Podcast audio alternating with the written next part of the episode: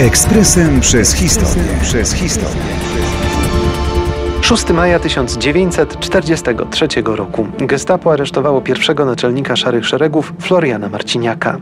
Ta biografia to niemal materiał na film sensacyjny, niestety bez szczęśliwego zakończenia. O Florianie Marciniaku nie napisano tak wiele jak o innych dzielnych młodych Polakach, którym przyszło żyć w strasznych czasach okupacji i wsławić się walką z okupantem, ale czas to zmienić.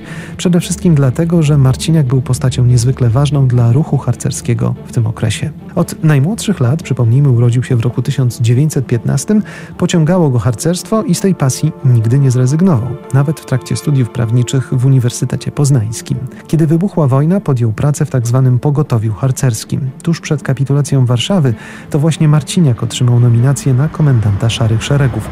Funkcję tę piastował aż do feralnego 6 maja 1943 roku, kiedy został aresztowany przez gestapo. Mimo bestialskiego śledztwa w Warszawie nie wydał ani jednego ze swoich współpracowników. Ci zaś czynili starania, by swojego dowódcę odbić z rąk niemieckich oprawców.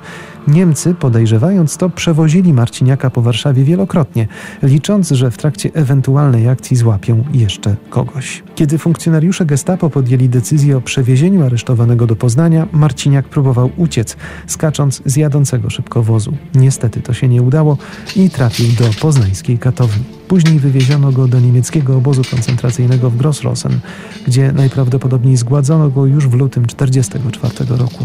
Niemcy nie oszczędzili także jego żony, Zofii. Zmarła ona w obozie Bergen-Belsen tuż przed końcem wojny. Florian Marciniak został pośmiertnie odznaczony Krzyżem Wielkim Orderu Odrodzenia Polski w roku 2006 za, tu cytat, wybitne zasługi dla niepodległości Rzeczypospolitej Polskiej, za działalność na rzecz przemian demokratycznych w kraju, za upowszechnianie wiedzy o dziejach narodu polskiego. Ekspresem przez historię. Przez historię.